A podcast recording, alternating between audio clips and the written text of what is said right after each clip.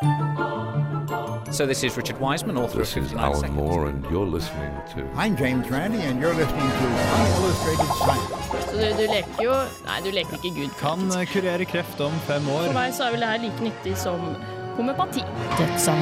Forskningsnytt. Altså, jeg kan ikke lage en hårete planet. Nei, nei. Uillustrert vitenskap.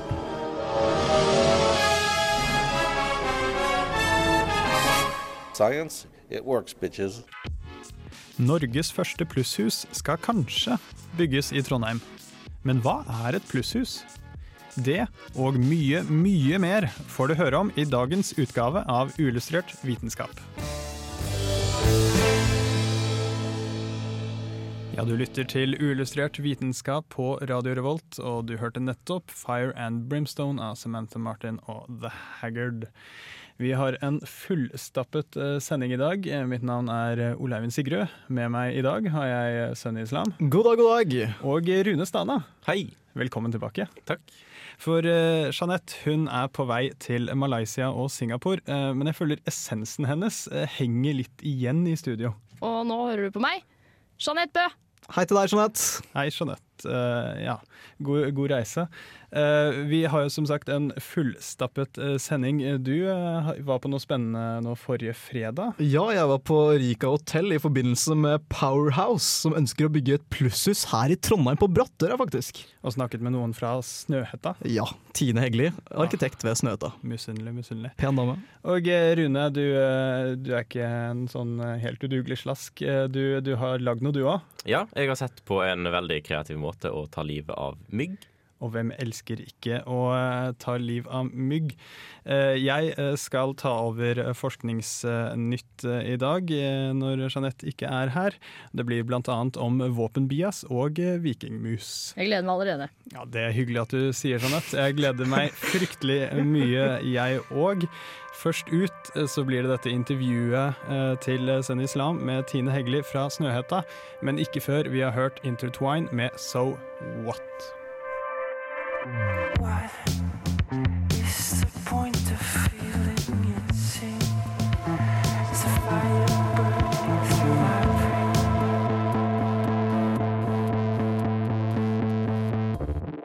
Plusshus er etter vår definisjon et hus som produserer mer strøm, mer energi, enn det det bruker. Både når man tenker på hvor mye som brukes til drift og til materialbruk. Så det er et hus som faktisk er et bitte lite kraftverk, kan du si. I Teknisk Ukeblad fra 15. mars står det skrevet om plusshus i Berlin. Huset forsyner ikke bare seg selv med strøm, men fungerer òg som en ladestasjon for elbiler. Man håper at initiativet skal inspirere andre til å bygge energieffektive bygg. I Brattøra i Trondheim ønsker Powerhouse å lage Norges første kontorbygg, som produserer mer energi enn det forbruker. Plantegningene for huset ble nylig ferdigstilt, og vi i Uillustrert vitenskap fikk muligheten til å slå av en prat med en av arkitektene bak prosjektet. Ja, Kan ikke du bare si hva du heter og hva du gjør? Jo, jeg heter Tine Hegli og jobber på Snøhetta i Oslo. Konseptet høres jo fantastisk ut. Men hvordan klarer et hus å produsere energi? Eh, Det må tilrettelegges for å høste energi, enten fra sol eller eh, vind, eller bruk av eh, sjøvann eller geotermisk energi. Huset de har tenkt å bygge, har i all hovedsak tenkt å hente strøm og varme fra solkraft og sjøvarme. Men i planleggingsprosessen var Powerhouse-alliansen innom flere typer energikilder. Ja, vi har vært gjennom, vi har vært gjennom alt altså, på den tomta der. Og det er jo veldig naturlig at vind f.eks. på Brattøra eh, hadde vært fornuftig, for det er jo motvind eh, alltid. Men det viser seg at for å kunne høste nok energi fra et eh, vindkraftanlegg, så må du til med en kjempestor mølle, en sånn som man ser i landbruket. Og en sånn mølle kan du ikke få plassert inne i en bysituasjon. Da måtte den ha stått langt, langt vekk fra tomta, og det er sånn sett si, litt juks da, hvis man bruker annenmanns tomt for å løse eget energiproblem. Så vi fikk prøvde å få til bygningsintegrerte vindmøller, men det ble ganske omfattende og veldig eh, vanskelig for konstruksjon og sikkerhet og sånne ting. Så det dessverre gikk ikke i pluss med vind. Hvorfor er plusshus viktig? Jeg trodde at det var eh, transportnæringen som brukte mest energi. Eh, det skulle man tro. Transportnæringa står for 25 eh, på globalt, da. Mens eh, byggebransjen faktisk tar drøye 40% i oppføring av bygg og bruk og drift av bygg. Det er jo da ikke bare byggingen av bygg, men også driftingen av byggene. Så det er en eh, miljøsynder av de helt store. Men hvorfor har dere valgt å bygge et eh, plusshus i Trondheim? Ville det ikke vært bedre å bygge det f.eks. i Lindesnes, hvor det er mye mer sol? Men det hadde jo ikke vært å strekke seg så langt, da. Så noe av det alliansen ønsker å oppnå her, er jo å sette en standard for at det er mulig. Og hvis man får det til i Trondheim, så har man løst oppgaven. Da kan man i prinsippet bygge hvor som helst. Det her er eh, rett og slett verdens nordligste plusshus. Vinteren i Trondheim den er jo veldig, veldig mørk. Vil Powerhouse fortsatt være et plusshus rundt juletider? Nei, det er ikke mulig. det, det er sånn at vi regner energiproduksjon over året. Så det du høster på sommeren i overskudd, det selges på strømnettet, det vanlige strømnettet. Og det du trenger rundt juletider for å holde varme og lys oppe, det kjøper du fra det samme nettet. Så hele målet er at du da går i pluss over et år og over livsløpet på 60 år. Penger styrer jo det meste, ikke bare i Norge, men i hele verden. Dette plusshuset høres jo veldig fancy ut. Kommer det til å bli mye dyrere enn andre lignende næringsbygg som ikke bruker samme teknologi? Det er jo klart at det koster noe å få til sånne miljøtiltak, men målet vårt er også at bygget skal kunne bygges innenfor kommersielle rammer. Så det skal ikke bli så dyrt at eh, det ikke kan lenger kan leies ut eh, innenfor vanlige priser. Så ja, det er dyrere enn et gjennomsnittsbygg, men det er innenfor rammen av det som næringsbygg kan koste.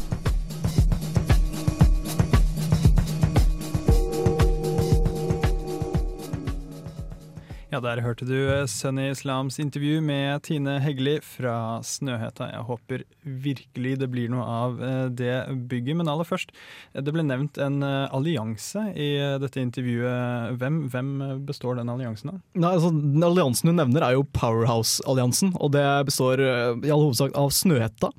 Entra Eiendom, Hydro, Skanska og miljøorganisasjonen Zero, da, som kjemper for at ingen hus i Norge skal slippe ut drivhusgasser.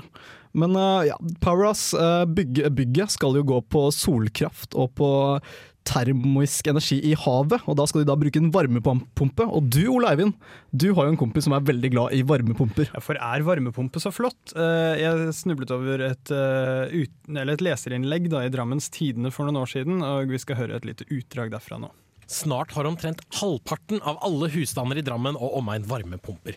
Disse hvite boksene skal liksom redde miljøet og eiers økonomi. Luft-til-luft-varmepumpene har den funksjon at den suger ut den siste lille rest som måtte være igjen av varme i utelufta, og omgjør den til innevarme. Varmepumper har en virkningsgrad på omtrent en fjerdedel. Altså blir det fire grader kaldere ute for å få det én grad varmere ja, inne. Resultatet har vi vel alle opplevd nå i november. Kaldeste november november på 147 år! Nabolaget mitt er overrepresentert med egoistiske gjerrigknarker som kjører varmepumpene sine for fullt. Jeg har akkurat vært ute og luftet bikkja, og de hadde greid å presse utetemperaturen ned i 23 kuldegrader. Dette kan ikke fortsette. Hvor er LO? Hvor er solidariteten? Hvor er natur og ungdom? Ja, hvor er de, Senny? Nei, si det. Uh, du, du, har helt fantastiske venner, Ole Eivind. Bare det så det er sagt. Takk for det, Jeanette. Jeg har ingen venner. Men uansett, vi, vi, vi, er dine venner, Ole Eivind. Men Norge vi skal jo være Europas batteri. Vi har jo muligheten til å pumpe opp vannet i våre vassdrag, slik at vi kan spare på energien og så selge det videre til Europa når de trenger det. Og Da er det da kjempekjekt at vi nordmenn kan bo i plusshus, fordi de fører jo til at vi kan bare spare på energien i eh, vassdragene og selge dem videre. Men plusshus i Norge det er jo ingen ny ting. Eh, men dette her er da første plusshuset som er bygget i virkelig stor skala. Og så er det mange som sier at eh, oi, solkraft det er jo bare ineffektivt, og det tar lang tid å bygge, og det er dyrt osv. Da hørte hørt ikke Uillustrert vitenskap forrige uke? Nei, det gjorde det ikke. Men i Tyskland der bygger du ut så mange solcellepanel hvert år at det tilsvarer uh, samme energimengde som du produserer i uh, ett år på et atomkraftverk. Og et atomkraftverk tar fem ganger mer lang tid å bygge. Men jeg er ikke så fryktelig imponert men, men dersom alle flater skal suge til seg det sollys, blir det ikke bare mørkt? Ikke noe dags dagslys igjen? Nei, men altså, det er der eh, disse arkitektene fra Snøhetta kommer inn. Fordi de har løst dette på en smart måte. Det er en smart arkitektur. Fordi de har nemlig en stor åpen gårdsplass på midten av huset, så at alle rom får sollys. Men blir det dyrt å leie kontorer der? Det høres dyrt ut. Det, jeg tror det, det høres veldig dyrt ut å bygge, men driftskostnadene de vil jo selvfølgelig være lave. Fordi du, du får jo all strøm, og du får all varme fra huset. Så det tror jeg fører til helt greie leiepriser. I tillegg til det så selger jo eh, huset strøm tilbake til strømnettet, iallfall i sommeren. Og da kan tenke seg at det kan også kontribuere til lavere leiepriser. Ok, Uillustrert vitenskap skal ha redaksjonskontorer i dette bygget, så da er spørsmålet når blir huset ferdigstilt? De har tenkt å begynne å bygge i 2013, eh, og det skal bli ferdigstilt i 2015 hvis de klarer å få det igjennom. Men det er ikke sikkert at de får lov til å bygge det. Hæ? Ikke for lov? Hvem, hvem er det som stopper dette? Man kan jo tro at det er pga. at det er få leietakere, eller at tallene som står bak eh, når det gjelder energi og sånt, ikke stemmer. Men det som er greia, er at det rett og slett er Høyre og Frp som ikke vil bygge ut. Nei, ærlig talt. Det er kjempeteit at det er bystyret som eh, skal godkjenne det. Men uansett, denne arkitekten jeg har snakka med, Tine Egle, hun har jo vært med å bygge mye rart, deriblant Operaen i Oslo. Men jeg spurte henne hva hun ville bygget hvis hun fikk helt frie tøyler.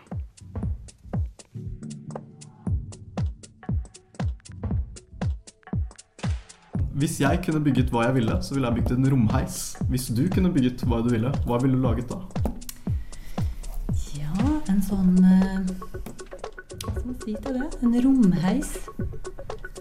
Jeg synes jo Den der praktiske ting som jeg har savna mange ganger, det er sånn diagonaltgående heis som koster det samme som en helt vanlig heis, som kan gå i alle mulige vinkler så langt som mulig uten at det på en måte betyr en masse krangel og mas om pris og sånn. Eller bare ha en vanlig diagonalheis. Det er mer enn nok for meg. Science isn't about why, it's about why not. Why is so much of our science dangerous? Why not marry safe science if you love it so much? Uh,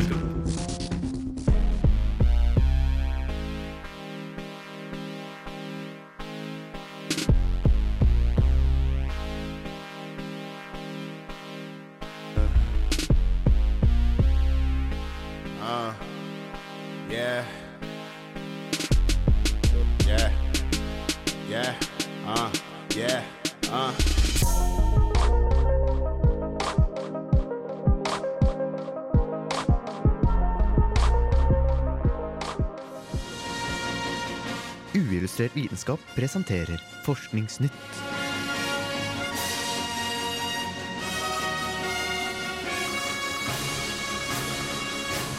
Forskningsnytt.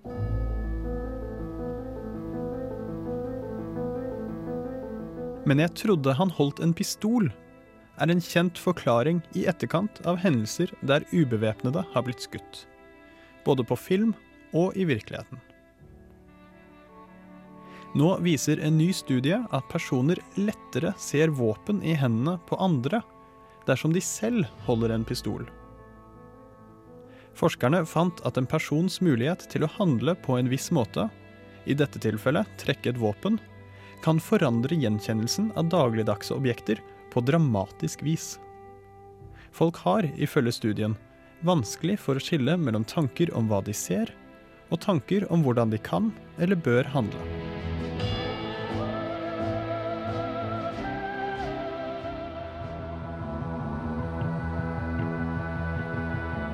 Det var ikke kun barske krigere som dro i viking og erobret nye områder.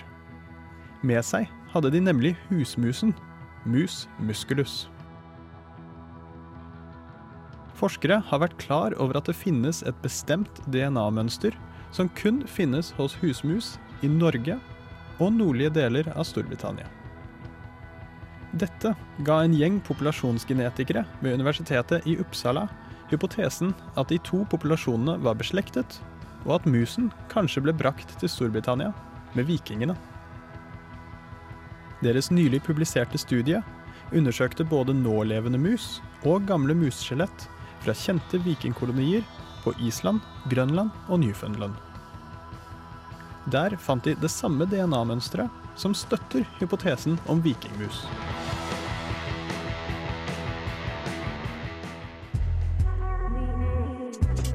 Forskere fra Dresden og Manila har oppdaget fire nye fargerike arter av ferskvannskrabben insulamon. Krabbene ble oppdaget på den filippinske øyen Palawan og finnes utelukkende på denne øyen, da saltvannet i havet hindrer ferskvannskrabbene å spre seg til andre områder. Men dessverre er de nye artene allerede truet av en rekke gruvedriftsprosjekter som snart settes i gang på øyen.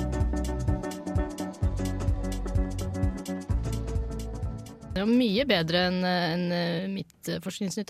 Eh, takk. Eh, Du, du, du smigrer, altså. Eh, ja, nei, det var denne ukens Forskningsnytt. Uke tolv er vi i nå. Og det var jo kjemperart. Altså, herregud, hva hvis du gjelder det her våpenbiaset for andre objekter? For eksempel hvis jeg holder en banan, mistenker jeg da at andre også holder bananer? Det gjør du sikkert. Ja, ok, men eh, det kan bare være meg. Ja Vi kommer litt tilbake til det uh, senere. Men uh, først så kan jeg jo nevne litt hvordan de faktisk undersøkte dette. Uh, de hadde en rekke eksperimenter, faktisk. Eh, de alle gikk ut på at deltakerne ble vist bilder av eh, folk, og så skulle de si om disse folkene holdt skytevåpen eller et nøytralt objekt. Som f.eks. en mobiltelefon eller en ball eller noe sånt. Nå. Banan. Eh, og dette, eller en banan. Og dette gjorde de mens deltakerne da holdt enten en pistol eller et nøytralt objekt, som f.eks. en ball. Og så hadde de en del variasjoner. For å passe på at det ikke var andre faktorer som spilte inn, så de eh, testet bl.a. med bilder av folk som hadde på seg finlandshetter og andre forskjellige typer masker. Eh, de testet forskjellig hudfarge, for man vet jo at det er en sterk bias der. Eh, Hudfarge og finlandshetter. Ja. ja. Eh, nei, det er synd, eh, men eh, undersøkelser har dokumentert en ganske sterk eh, bias overfor mørkhudede, eh, selv blant mørkhudede. Det er snodig, men eh, det er en reell bias hvert fall, som er grei å ta med i undersøkelsen. Og så testet de også da på hvordan eh, deltakerne skulle reagere, eh, enten om de skulle da de som da holdt, eller om de skulle løfte opp objektet de holdt, enten det var en pistol eller en ball, eller om de skulle si at hva de hadde i hånden, eller ja, de varierte på det. Og uansett hvilken variasjon det var, så viser jeg at deltakerne med pistol, de rapporterte våpen mye oftere enn kontrollgruppen. Og eh, så kom de også inn på at dette her gikk ut på eh, deltakernes mulighet til å handle. Eh, det at eh, de kunne se en pistol eh, uten å holde den. Eh, de, de, de testet dette da, ved at noen deltakere så en pistol uten å kunne holde den. Eh, eksempel at den var borte på veggen i rommet, så de så en pistol, de hadde en pistol i nærheten av seg. Ville de da overrapportere at folk hadde pistol? Eh, og det gjorde de da ikke. Du måtte holde den i hånden, eh, og eh, dermed var det det at du hadde muligheten til å trekke pistolen. Eh, det førte til at du så pistoler. Bare ut av kuriositet, eh, hvilket land var det som eh, undersøkte dette? Det var i USA. Ja, okay. ja. Surprise, surprise. Selvfølgelig. Men det her er jo en veldig snever studie. Så hvordan kom de på å utføre det her? Nei, det er jo faktisk eh, basert på tidligere litteratur, eh, som da viser at folk oppfatter romlige egenskaper ut ifra eh, deres evne til å utføre en bestemt handling. Eh, det høres veldig vanskelig ut, eh, men for eksempel bredskuldrede personer, de oppfatter dører som smalere. Det- Merkelig. det er jo ganske logisk. Og eh, baseballspillere med en høy batting average, som det heter, som er veldig gode til å treffe ballen, eh, de oppfatter ballen som større. Fordi de er flinkere til å treffe den. Ja, det er helt sant. Ja. Ja, eh, Vi snakket jo også om mus. Ja, eller du, du snakka om svensk forskning, eller ja, museforskning. Altså, Det jeg alltid har lurt på, eller ikke alltid, det jeg lurte på nå, var hvor i disse ufattelig tynne båtene som vikingene kjørte, bodde disse musene? Ja, De båtene var jo ganske dype og ganske lange, da. Eh, Men eh, de antar at musen levde antagelig i korn- og høylagre om bord i båtene. Men altså, når, når de bor i korn, kornlagrene, altså antar at vikingene spiste dette kornet, var vikingene klar over at de fraktet mus der? For det er jo litt nasty, egentlig. Det, det vet man faktisk ikke helt sikkert. Uh, man har ikke noen kilder som viser at de visste det. Uh, men de har funn som viser at uh, vikinger har tatt med seg katter om bord på skipene. Katter? Katter, ja. Eh, og eh, på Island og Grønland for eksempel, så er det jo ingen andre små skadedyr som det på en måte er noe vits i å ha med seg katt for å drepe. Eh, så det kan tyde på at de tok det med for å ta bukt på denne musen. da. Men, Altså veldig pene dyr, da. Estetisk pene. Ja, det, det er de for så vidt også. Ja. Men uh, hvordan fant de ut at de ble fraktet med vikinger? Nei, de tok jo DNA-analyser av nålevende mus og gamle muselevninger fra disse vikingstedene, og så testet da spesielt mitokondrisk DNA, DNA, som eh, smart. passeres fra mor til, til datter. Eh, Og ut ifra dette så kunne de danne et familietre over hvordan mus spredte seg i Europa, og dette korrelerte visstnok med vikingenes reiser. Ja, Stilig. Og eh, dette her virker jo veldig snevert og rart, men, eh, men det er faktisk eh, ikke helt ubrukelig, for det speiler jo menneskenes historie. Og man lærte blant annet, eller dette var nok et tegn på at eh, vikingene antagelig ikke befant seg i eh, Newfoundland så veldig lenge, fordi der fant de ikke noe tegn på mus under vikingtiden. Og eh, vi hadde jo også forskningsnyheter om en eh, krabbe som ble funnet, og eh, som allerede er truet. Eh, den skal vi snakke mer om etter vi har hørt Greenleaf med 'Sunken Ships'.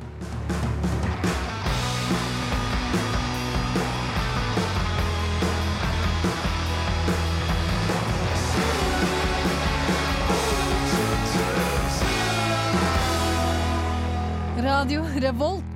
Ja, du lytter til Uillustrert vitenskap på Radio Revolt, og vi går gjennom eh, denne ukens forskningsnyheter, og der hadde vi en eh, sak som var både fødselsannonse og dødsannonse Samtidig? på én gang. Eh, Det gjelder noen nydelige krabber, absolutt nydelige krabber. Arten heter Insulamon palawanesa. Eh, Eller det er den ene arten, det var jo oppdaget fire, Fire? stykker. Ja, veldig pene Eh, krabber. Og den, eh, jeg skal prøve å beskrive den. Det er en liten krabbe, men som er sånn mørkeblå oppå, som blir lysere og lysere fiolett. Og så har den rød klør. Den er så fin. Merkelig at den har de fargene, for den blir liksom dårligere kamuflert når den har sånne farger, Det tenker er, jeg. det er sikkert noe sånn seksuell eh, seleksjon utover. Seksuell seleksjon hos krabber. Ja. Det kan godt være. Hvorfor ikke? Ja. Men hva, hva, hva spesielt med den øya de fant krabbene på? Jeg syns det var litt rart. Nei, eh, Palawan er faktisk et eh, fryktelig spesielt økosystem. Det er mange forskjellige arter der, og 50% av artene på øyen er endemiske. Altså finnes de kun på den øyen og ikke noe annet sted. Er ikke det kjempekjipt med gruvedrift da? Altså Hvis Jo. du bare lever der? Nei, det er nettopp det. Det gjør jo disse artene ekstra sårbare. fordi hvis man skader det økosystemet på den øyen, og arten ikke lever videre, så har man jo ikke arten noe annet sted. Eh, Så det er ekstra kjipt da, med denne gruvedriften. Men hadde det ikke da vært bedre om ingen oppdager de her krabbene? Så hadde ingen trengt å blitt lei seg når de blir utrydda. Hæ? Nei. Absolutt ikke. Eh, eh, Det er jo ikke sikkert at det at vi nå oppdaget dem faktisk fører til at de overlever, men nå har vi i hvert fall muligheten til å prøve å sette i gang noe eh, bevaringsopplegg. Da. Så vi kan prøve å redde dem. Men det spørs jo, da. Det er visstnok fryktelig mange protester både fra innbyggerne på øyen og andre organisasjoner og eh, Varmepumpe- mot, disse, mot denne gruvedriften, men eh, den skal visstnok eh, foregå likevel. Så det var det jeg tok for meg denne uken, men eh, du Sunny, du hadde jo en forskningsnyhet selv om nøytrinokommunikasjon. Hva i all verden er det? Ja, og jeg må bare gi dere en liten innføring på nøytrinoer. eh, som dere kanskje husker fra i fjor, så jeg er veldig glad i denne partikkelen. Hvem er ikke Eh, ja. Men nøytrinoer de kan passere gjennom alt. Altså Hypotetisk sett så kan de passere gjennom ett kubikklysår med bly. Noe som betyr at du kan sende nøytrinoer fra den ene siden av jorda til den andre uten at det stopper. Så det som nå har skjedd er at eh, noen forskere i California har klart å kommunisere med noen andre et eller annet annet sted i verden med hjelp av nøytrinoer.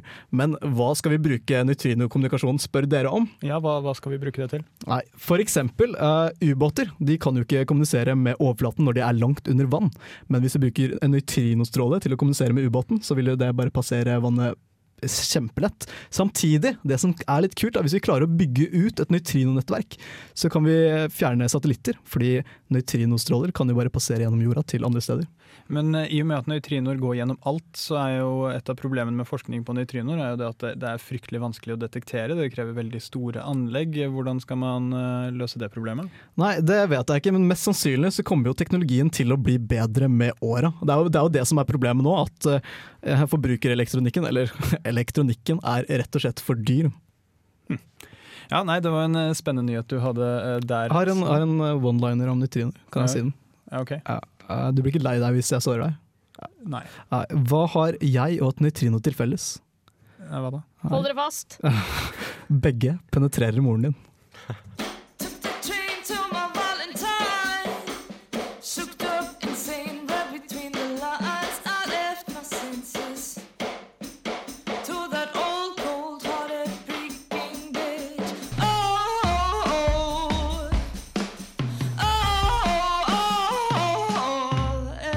Hører på Radio Revolt, studentradioen i Trondheim. Malaria er et av verdens største helseproblem. Mellom 700 000 og nesten 3 millioner mennesker dør hvert eneste år av malaria. Tre av fire som dør, er barn. Det finnes ingen effektiv vaksine mot malaria, og bare et mindretall av de som smittes, har tilgang til medisin. 40% av verdens befolkning bor i smittefarlige områder.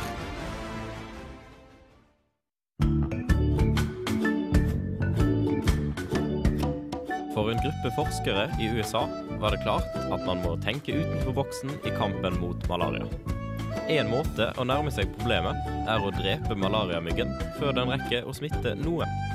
For eksempel kan man Shoot them out of the sky with lasers. Idé ble til virkelighet, og dette Weapon of Mosquito Destruction kan brenne 50-100 mygg i sekundet. Men hvordan fungerer så denne herligheten? Kanskje den bruker Sharks with frickin' laser beams attached to their heads. Nei, mygglaseren bruker mer dagligdags teknologi enn som så. Apparatet festes på gjerdestolper og merker dersom noe flyr imellom, på samme måte som offentlige urinaler. Myggdreperen sender så ut en ikke-dødelig laserstråle for å måle størrelse på insekter og frekvensen på vingeslagene. Ut fra den informasjonen så bestemmes hvilket insekt det er, samt kjønn. Bare hunnmygg sprer malaria, så hannmyggene blir spart. Når dødslaseren har identifisert målet sitt, sender den ut en kort laserstråle som dreper myggen i lufta. Hele innretningen er dessverre fortsatt på prøvestadiet. Målet er å beskytte skoler, sykehus og andre viktige bygg med gjerder med mygglasere. En hindring er at mange områder der malaria er et problem, der finnes det ikke noe utbygd strømnett. Men det her er jo bare en bagatell, når du kan ha en helautomatisk mygglaserkanon.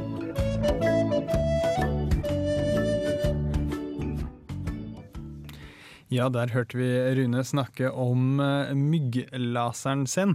Eh, når kan vi forvente at dette installeres over hele Afrika? Nei, jeg tror, jeg tror det prosjektet her lider litt av den 'vil være på markedet om fem år'-effekten. Ja, men de, de, At, eh, de lanserte det for to år siden. At det presenteres, og så skjer det ikke noe mer. For det her ble det Alt det nyeste jeg har funnet om den her, er to år gammelt. Og eh, har ikke hørt noe mer. Så jeg tror den gikk litt, kanskje litt i glemmeboka. Jeg, jeg ville ikke at det skulle være løsningen. Nei, men Det det er en veldig ineffektiv løsning. da. Altså Laser. altså Her i Vesten så har vi brukt insektmidler for å få det vekk. Ja, Vi hadde jo faktisk malaria-mygg her i Norge. Siste epidemi av malaria var jo 1850, faktisk. Oi, ja. Så hvorfor ikke bruke insektmidler? Nei, insektmiddel har uh, en sånn bieffekt at den uh, dreper ganske mye rart. Uh, ikke bare hunnkjønn malariamygg. Uh, men Og så er det jo òg det at mygg eh, har blitt ganske resistant til insektmiddel etter hvert, siden det har blitt brukt såpass mye. Sant, sant. Så det blir vanskeligere og vanskeligere. Ja, men vi har jo eh, et triks for å forebygge sykdom, iallfall her i Norge. Og det er jo selvfølgelig å ringe til Svein Magne Pedersen. Så hvis du er redd for malaria, så er det bare å ta opp telefonen. Ja, Så kan du til og med ringe hvis du skal til et sted med malaria, for han kan jo beskytte deg nå. Ja, sant. Bare Forebyggende 500 bønn. kroner i timen. Men eh, tilbake til laseren. Altså, det er en utrolig kul teknologi at den faktisk kan merke eh, om det er en mygg og om det er en hann eller hund, og så zappe den. Men eh, det virker veldig overkill generelt å drive og legge ut masse lasere. Ja, det er eh, Det virker veldig kult, det gjør det. Så i praksis så vil jo det her da festes på gjerdestolper eh, langs eh, hvor det da skal beskyttes. Eh, og så står de her og skyter laser og skyter mygg. Det, ja. Nok en eh, kul oppfinnelse som antagelig aldri vil eh, dannes. Men eh, vi skal videre, og du, Sunny, skal snakke litt om Kuru. Men det er først etter Dunes med jukebox.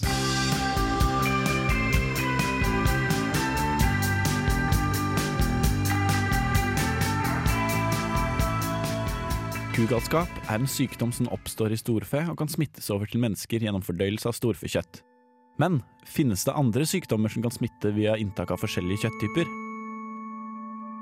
Kuru var en epidemi som brøt ut i Papua Ny-Guinea. Individer med sykdommen led av ufrivillig skjelving og latter, nedsatt kroppsmotorikk og utydelig tale. Jaså. De fleste som fikk disse symptomene, døde etter noen måneder. Og ofrene var som oftest kvinner og barn. Nei. Kuru er i Vesten kjent som Krautsfeldt-Jacobs sykdom. En sykdom som er innkapslet i hjernen og sentralnervesystemet. Og man antar i dag at epidemien brøt ut som en følge av kannibalisme. Kannibalisme? For stammemenneskene som bodde på Papa Ny-Guinea, pleide å spise sine avdøde familiemedlemmer.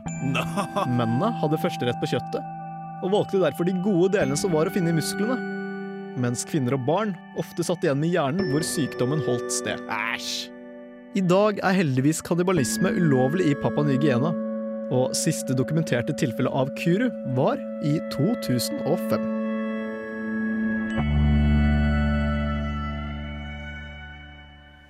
var et eh, noe morbid tema, eh, Sunny. Tusen takk, det er det jeg gjør her. Ja, Du nevnte at kuroepidemien brøt ut på Ny-Guinea, eh, men nevnte ikke når den brøt ut. Nei, for det vet vi ikke. For de første tilfellene ble dokumentert på 50-tallet, da Vesten først møtte denne stammen. da. Så det kan godt hende at kuro Kuru har vært der i tusener av år. Jøss. Eh, nå må du ikke spørre om hvorfor eh, jeg trenger å vite dette her, men eh, får man Kuru av å spise menneskehjerner sånn helt uten videre? Nei, altså hvis du hadde spist min menneskehjerne, noe som du helt sikkert har veldig lyst til, så får du ikke sykdommen. Tingen er at Hvis du spiser en person som allerede har Kuru, det er da du blir smittet. Så betyr det at man blir syk av å spise syke mennesker? Det gjelder jo av, altså det gjelder avhengig av sykdom og det gjelder hvordan du tilbereder kjøttet. For eksempel, eh, la oss si at du har hiv og jeg har veldig lyst til å spise deg, og steker kjøttet ditt. Da vil hiv-viruset dø. Men eh, om du ikke tilbereder så kan det være litt mer eh, problematisk. Men det er kanskje noen som lurer på hva hvis du spiser kreft? Det er, jeg tror det var Lena fra Døden på Oslo S som pleide å si et eller annet om uh, hva som skjer hvis du spiser kreft. Du får ikke kreft av å spise kreft av den kristne streiting. Jo, takk for det, Rune. Takk, for det. Ja, Det er jo riktig i de aller fleste tilfeller, fordi immunforsvaret mitt det vil jo drepe alle fremmede legemer som kommer til min kropp. Men eh, i noen tilfeller eh, når det gjelder organdonasjon, la oss si at eh, du, Eivind, du mangler en nyre, og jeg har en nyre, men jeg har også kreft. Så sier jeg da nyren min til deg. Da vil vi bruke et eh, medikament som svekker ditt immunforsvar. Som gjør det mer mulig for deg å ikke avvise det nye legemet. Og da kan kreftcellene i min nyre, som er i din kropp, utvikle seg. Jeg kan jo også føye til at eh, hvis homeopatene har rett, så har jeg faktisk eh, spist kreft, eh, og det smakte sukker. For jeg har noen sukkerpiller som visstnok er basert på kreftsvulster, som skal hjelpe mot kreft og visse andre typer ting. Jeg skjønner ikke hvilken forbindelse var det du gjorde dette? Nei, jeg fikk dem av en venn som hadde fått dem av En en, slektning. Var det et veddemål? Nei, han, han, hadde, han, han var syk og fikk det av en slektning som likte homopati, og fant ut at dette her Det skal funke. Ja, vi har jo hatt om malaria tidligere i dag, og forskere har påvist at malaria kan faktisk smitte gjennom kannibalisme hos mus. Eh, De vet ikke om det her fungerer på mennesker, da, grunnet at det er noe etisk involvert. Alltid skal det ødelegge. Alltid denne forskningsetikken, altså. Ødelegger for eh, alt. Men vi snakker om det likevel. Eh, Skal høre noe fun facts og sånn etter Sooner Brighter Day.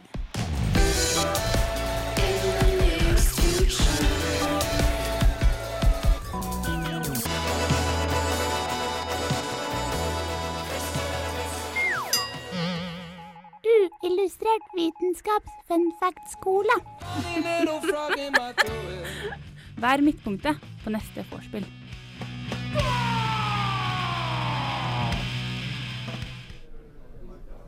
Visste du at romerne herdet sverdene sine ved å varme dem opp, for å så bråkjøle dem ved å stikke sverdet i slaver? Nei, Ærlig talt, Sunny, så fryktelig fæl du skal være i dag. Men, men fascinerende.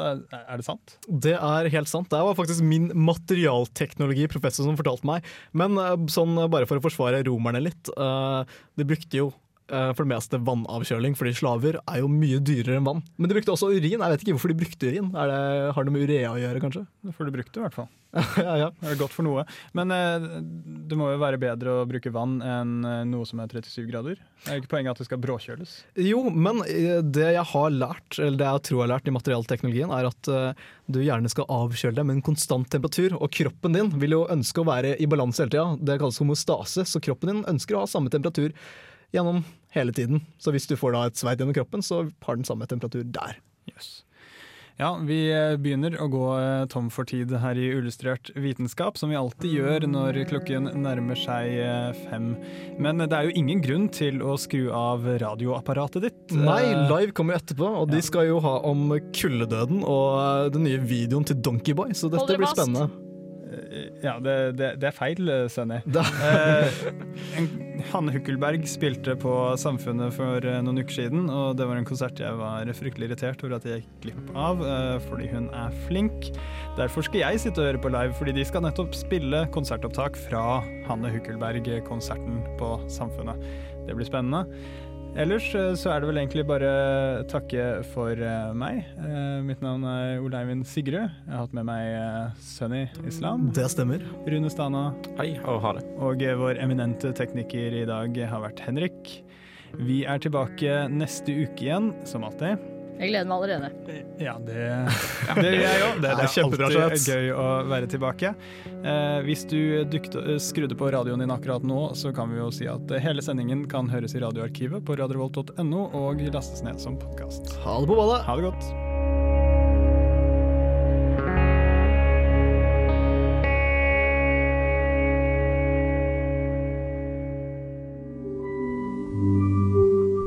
Uillustrert vitenskap er Midt-Norges eneste teknologimagasin på lokalradio.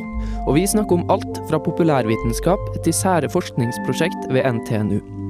Radio Revolt, studentradioen i Trondheim, er stolt av å kunne presentere podkaster fra de aller mest populære programmene våre. Hvis du har lyst til å høre mer fra Radio Revolt, hvem vi er og hva slags musikk vi spiller, så kan du høre oss på FM-båndet i Trondheimsregionen, eller streame sendingene våre live på radiorevolt.no. Thank you.